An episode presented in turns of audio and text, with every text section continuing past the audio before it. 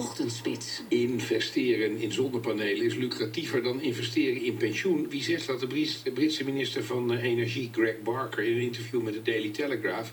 Hij adviseert ouderen daarom hun spaargeld in groene energie te steken. We nemen daar eens even contact over op met een pensioenadviseur, Gerrit-Jan Doorneweert. Goedemorgen. Goedemorgen. Ehm, eh, gaat u het advies overnemen voor uw klanten in zonnepanelen?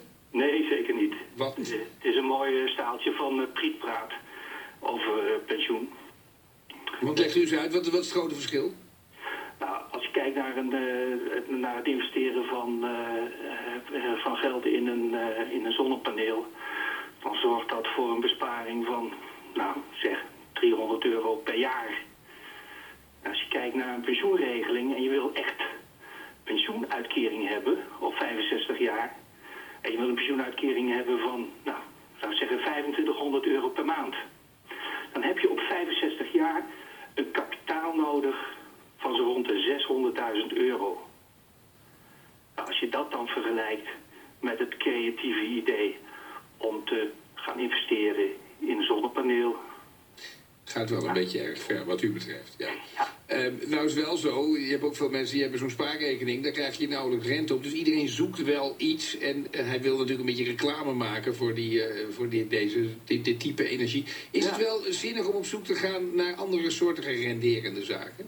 Nou kijk, ik kijk allereerst naar de, naar de vorm eh, op dit moment zoals pensioenen belegd worden. Er gaat heel veel geld in, in het pensioen om. Eh, over het algemeen zie je dat daar nog wel een eh, redelijk eh, rendement gemaakt wordt. Maar ik pleit er wel voor dat de mensen veel meer invloed zelf krijgen op de beleggingen van hun eigen pensioengeld. Dat ze daar veel di- dichter bij betrokken worden. Is, is- Ja, ja.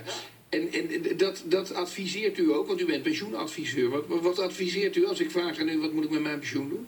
Nou, dat is dus echt afhankelijk van wat de werkgever aan mogelijkheden biedt.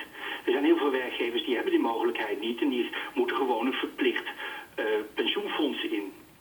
Dus die hebben de keuzes niet. Maar de werkgevers die die keuzes wel hebben, die kunnen pensioenregelingen maken waarbij de werknemers veel en veel meer invloed krijgen op de wijze waarop hun pensioengeld belicht wordt.